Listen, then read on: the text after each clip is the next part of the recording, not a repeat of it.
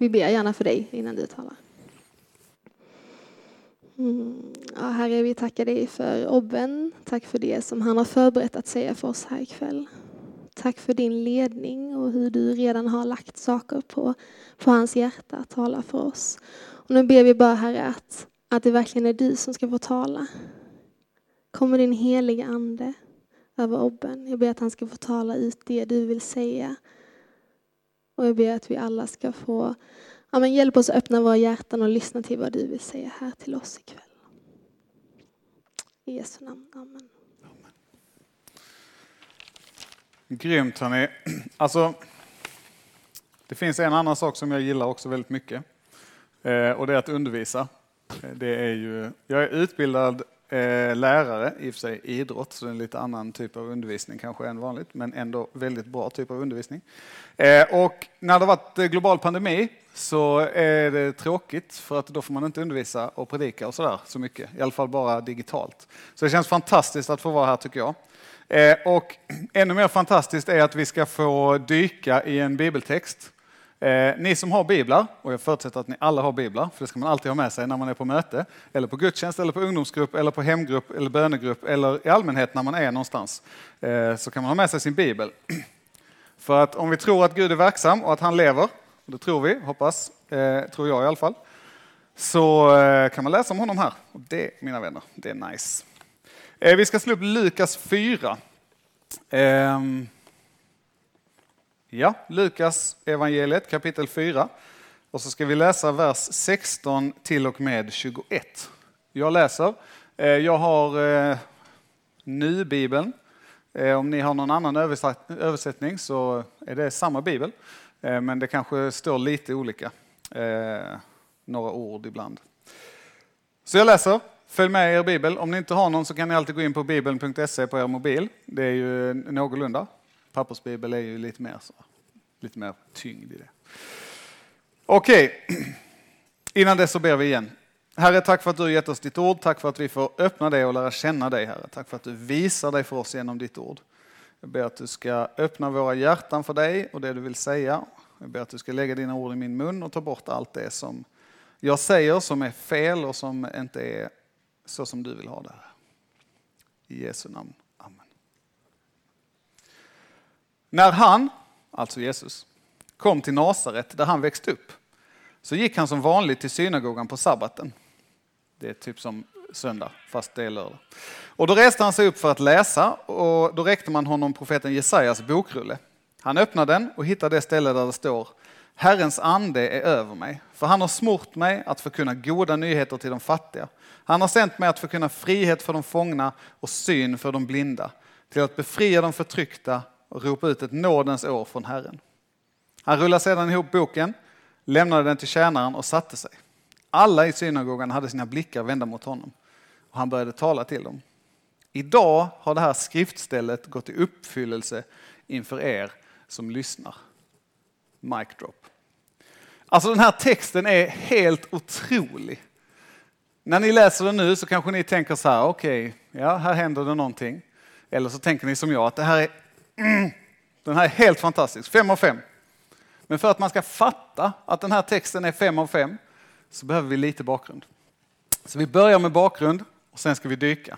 Okej, okay? ni är med på det? Eh, Bibeln är ofta sån att när man läser så läser man någonting och sen så känner man att man fattade hälften och den andra hälften fattar man ingenting av.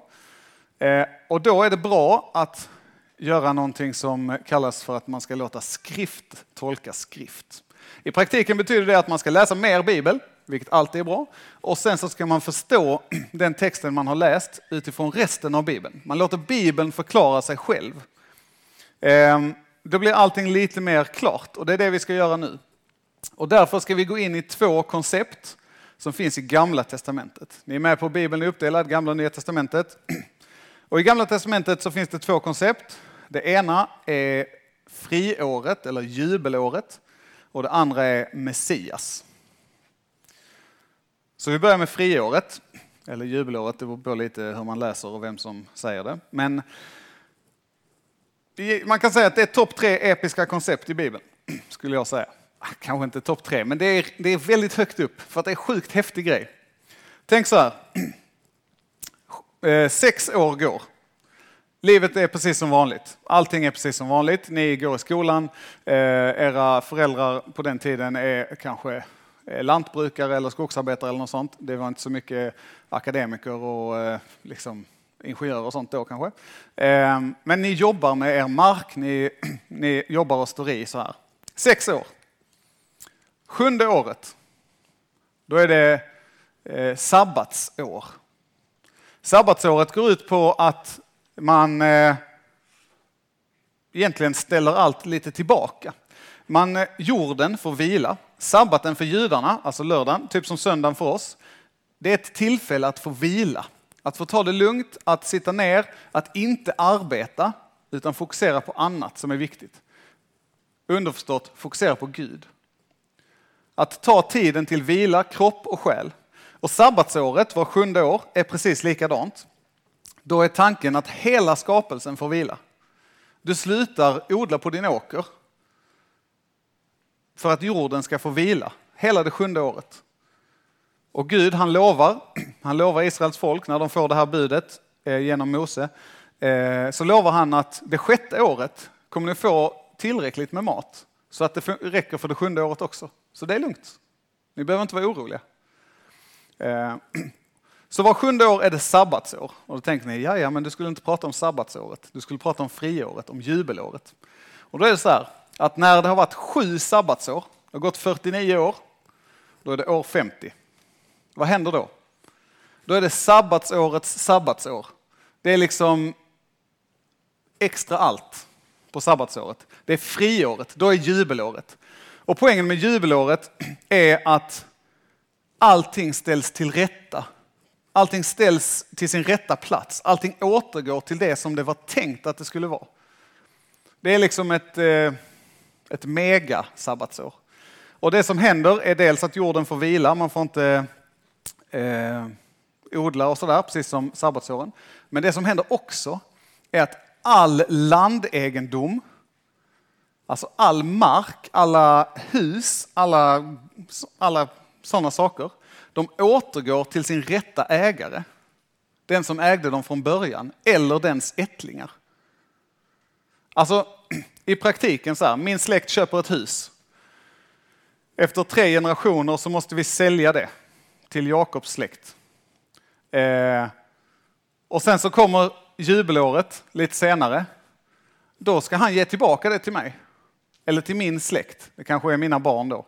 Eh, därför att det var vårt, det var vi som hade det från början. Och poängen här är inte att ha, nu ska vi dela upp och så blir det jobbigt att köpa. Utan poängen är att visa att Gud vill gå tillbaka till det som var från början, så som det var tänkt. En annan poäng med jubelåret är att alla de som är slavar i Israel, de ska bli frisläppta då. Alltså det är ett helt absurt, samhällsomvälvande, supermäktigt koncept. Tänk ett samhälle där massor med människor är slavar, vissa tvingade till det, Andra säger, jag kan inte betala mina skulder, jag går frivilligt och blir slav till dig. Men på det femtionde året så blir alla slavarna fria och jag som tvingades sälja mitt hus och dessutom bli slav till Jakob, jag blir fri och jag får mitt hus tillbaka. Gud ställer allting till rätta. Friåret eller jubelåret är liksom en försmak, en bild av hur Gud till slut, när han gör upp med synden, kommer att göra allting bra igen. Allting gott igen. Allting rätt igen. Och det är, alltså jag tycker det är så otroligt mäktigt att Israels folk får den bilden i liksom sin, sitt samhälle. Att så här, här, kommer, eh, här kommer sabbatsåren och då får det ställas till rätta lite och sen kommer jubelåret och Gud bara BAM! Allting på sin rätta plats. Och för dem är det en bild, och för oss får det också vara en bild av hur Gud sen, när Jesus kommer tillbaka, spoiler alert, eh, kommer ställa allting till rätta så som det var från början. När Gud skapar och säger allt detta är mycket gott. Okej, okay. ni är med på jubelåret nu. Ni fattar det konceptet. Bra, en nickade, det känns ändå stabilt. Ehm, då går vi in på Messias. Okej, nu måste jag hitta mina papper. Messias, vad är grejen med Messias? Jo, vi har jubelåret. Messias är den person genom vilken Gud säger att allt detta, liksom jubelår, om jubelåret är extra allt på sabbatsåret, så när Messias kommer så blir det extra allt på jubelåret. Och han kommer, genom honom kommer Gud att göra allt detta. Gud har utvalt en person och genom honom kommer Gud att ställa allting till rätta. Det är Messias. Och på Jesu tid så är det så här att judarna har väntat i många hundra år, eller tusentals år egentligen, eh, men många hundra år sedan den senaste profeten, på Messias. De väntar på att han ska komma och göra detta. De väntar på jubelåret deluxe. Och när Jesus läser den här texten då, så handlar den här texten om saker som händer på friåret, på jubelåret. Saker ställs till rätta, de som är fångna blir fria och så vidare. Så när Jesus har läst så kommer den här, alltså sällan skådad mic drop moment. Idag har det här skriftstället gått i uppfyllelse inför er som lyssnat.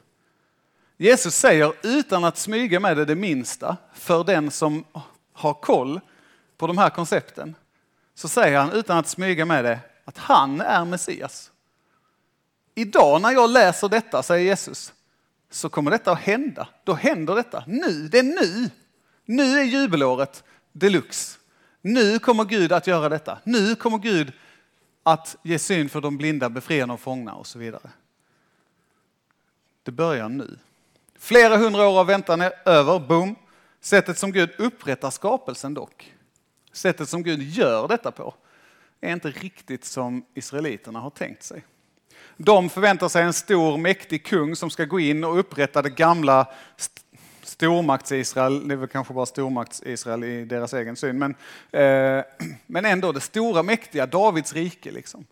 Eh, men det är inte alls det som Gud tänker på. För att Gud tänker mycket, mycket större än vad Israels folk tänker.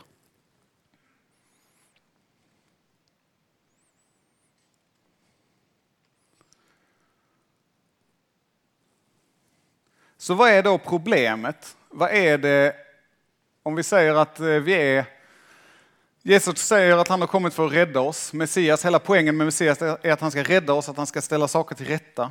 Vad är det som har gått fel då? Vad är problemet? Vad är det som gör att vi alls behöver upprättas eller frigöras? Och svaret är synden.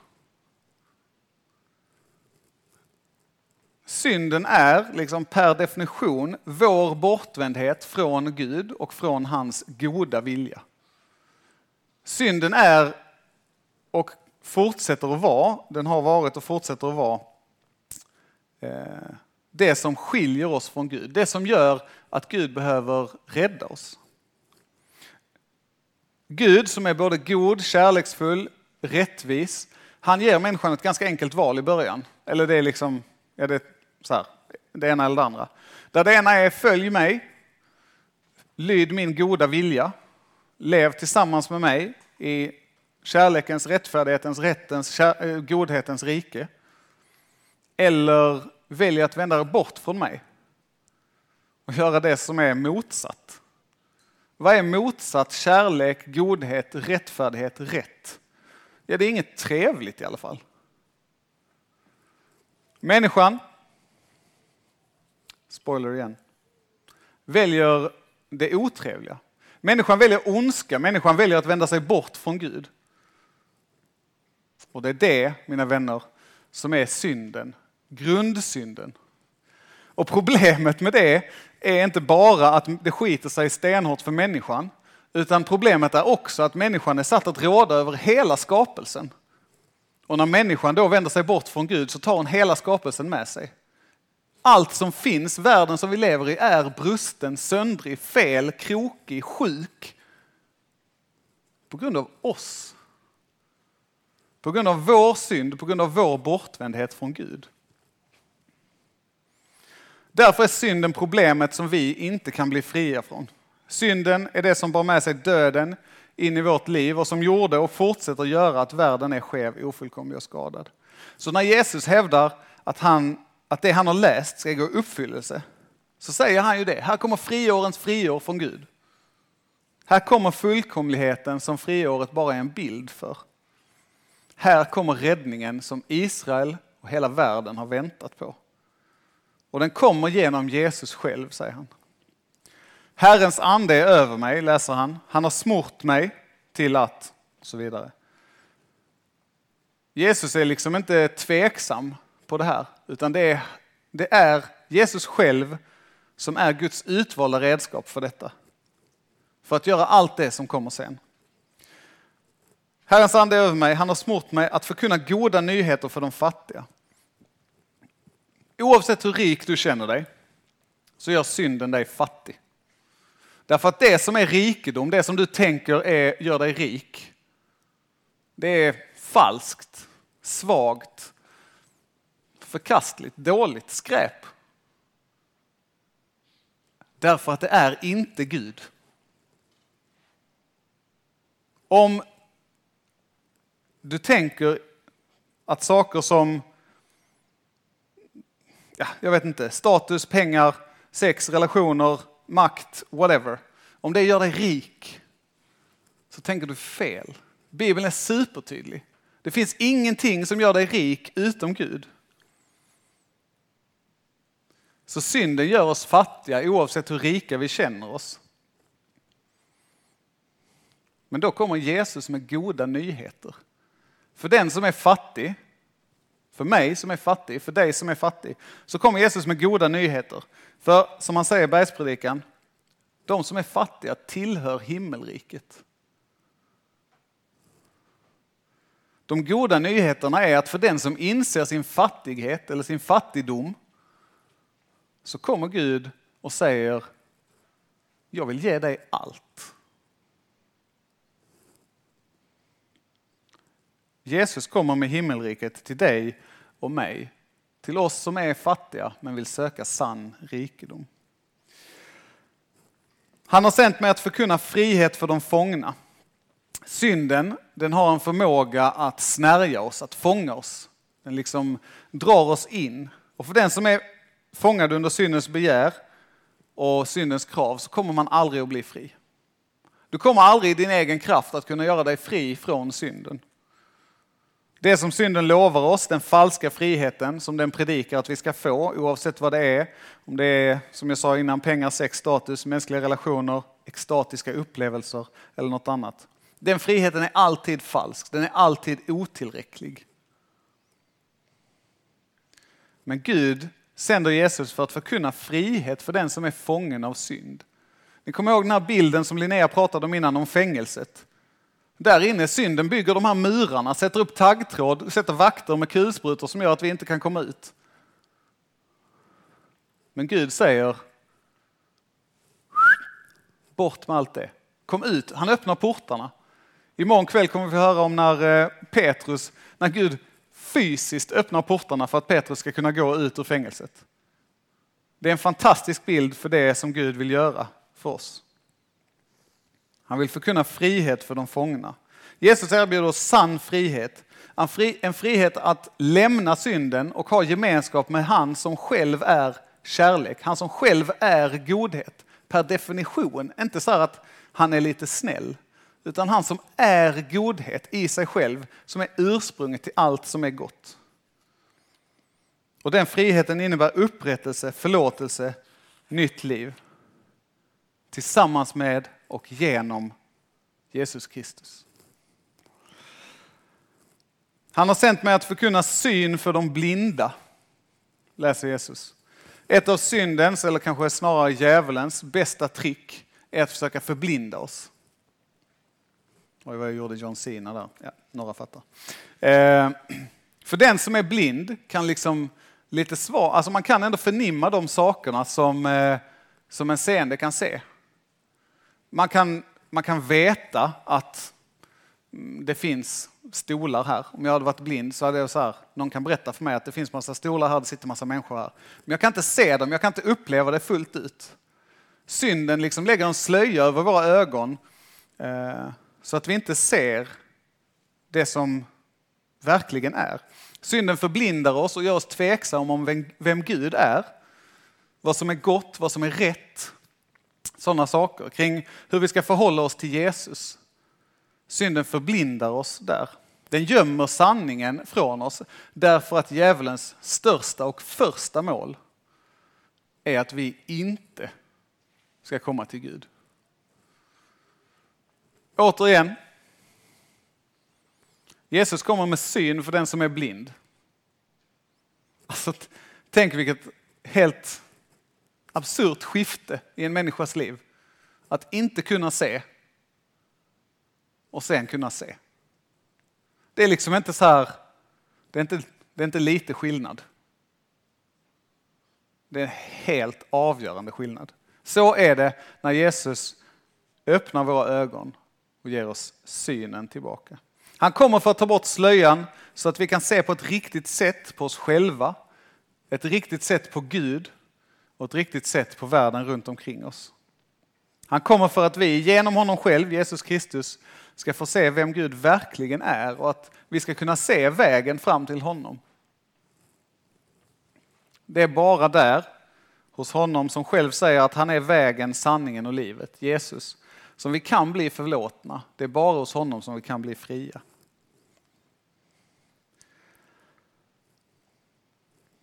Han har sänt mig till att befria de förtryckta, säger Jesus.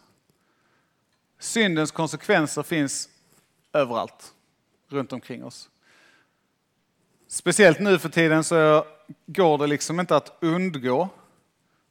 Om ni, till och med om man försöker att inte läsa nyheterna typ, eller höra någonting, så kommer ni att höra om krigets grymheter. Ni kommer att höra om hur människan är fallen, hur människan dödar varandra för land, för ideologier, för inget mer än att man tycker lite illa om varandra.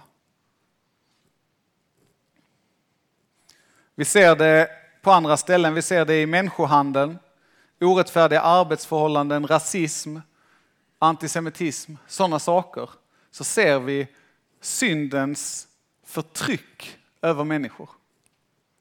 Vi ser hur vi, var och en av oss, tvingas eller påverkas, jag, vågar, jag vill ändå säga tvingas, att vara på ett visst sätt, att liksom anpassa oss för att känna att vi passar in, känna att vi är värda någonting, känna att vi är snygga, starka, smarta, whatever.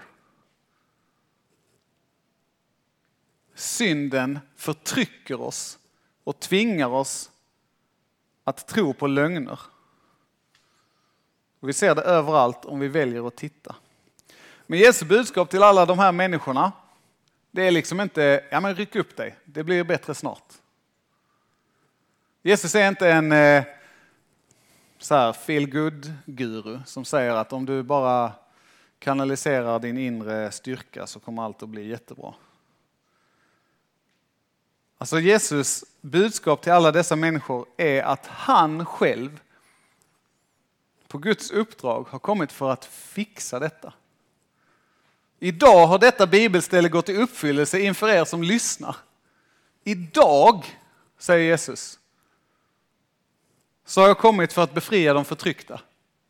De som är förtryckta av synden, de som är fångar under synden, de har Jesus kommit för att befria nu. Precis som friåret fick innebära frihet för slavarna och för de som av olika skäl tvingats in under förtryck, så är jubelåret, eller vad man ska säga, det här nådens året från Herren som Gud har satt Jesus att ropa ut. Det är ett nådens år fyllt av frihet. Det är ett frihet från förtryck. Det är ett nådens år, ett befrielsens, förlåtelsens, upprättelsens år från Herren. Det är inte ett år där du och jag ska prestera bättre, där våra nyårslöften spelar stor roll, eller någon roll överhuvudtaget. Det är inte ett år då du och jag ska påverka utfallet. Poängen är att det är ett nådens år från Herren. Det är Gud som agerar. Du och jag kan inte göra någonting. Det enda vi behöver göra är att ta emot. Gud är den som är aktiv här. Gud sänder Jesus i honom, genom honom, så gör han alla de här sakerna. Det är det som är poängen. Gud agerar för vår frälsnings skull genom och i Jesus. Den som har sonen, skriver Johannes, har livet. Och det är ingen överdrift. Det är inget så alternativ. Utan i Jesus så uppfylls det som Jesaja skriver om. Och genom Jesus så får du och jag, allihopa vi, få del i det. Vi som är fattiga, vi får ta emot goda nyheter om sann rikedom. Vi som är fångade i synd, vi får bli befrielse, befriade till förlåtelse och till nytt liv. Vi som är blinda, vi får vår syn tillbaka. Vi kan se klart. Vi som är förtryckta, vi får bli lösgjorda, vi får bli fria. Och sann frihet, den finns bara hos Jesus. Ta emot den. Här efter predikan så finns det möjlighet, precis som Linnea sa innan, att göra just det. För första gången eller hundrade gången så får du ta emot friheten som bara finns hos Jesus. Gå till förebedjarna, gå till samtalspersonerna, gå till biktprästen med din önskan om att ta emot Jesus i ditt liv. Bekänn din synd, för den är där. Oavsett hur bra du tänker att du är, så ligger den där och spökar i ditt liv. Bekänn din synd, ta emot förlåtelsen, för att den har Gud lovat oss genom Jesus. Och sen tacka Gud för att han har räddat dig. För att han har gett dig synen åter, för att han har gett dig befrielsen, för att han har tagit bort förtrycket från dig. Och lev i hans frihet. Det är min uppmaning till dig. Det är min uppmaning till mig själv. Det är det vi får samlas kring ikväll. Den som har sonen har livet. Och sonen är sänd att ropa ut ett nådens år från Herren. Vi ber. Herre, tack för att du är här. Tack för att vi får öppna ditt ord och läsa om vem du är och vad du har gjort för oss, Herre. Hjälp oss att lära känna dig. Förlåt oss våra synder och rädda oss tillbaka till gemenskapen med dig.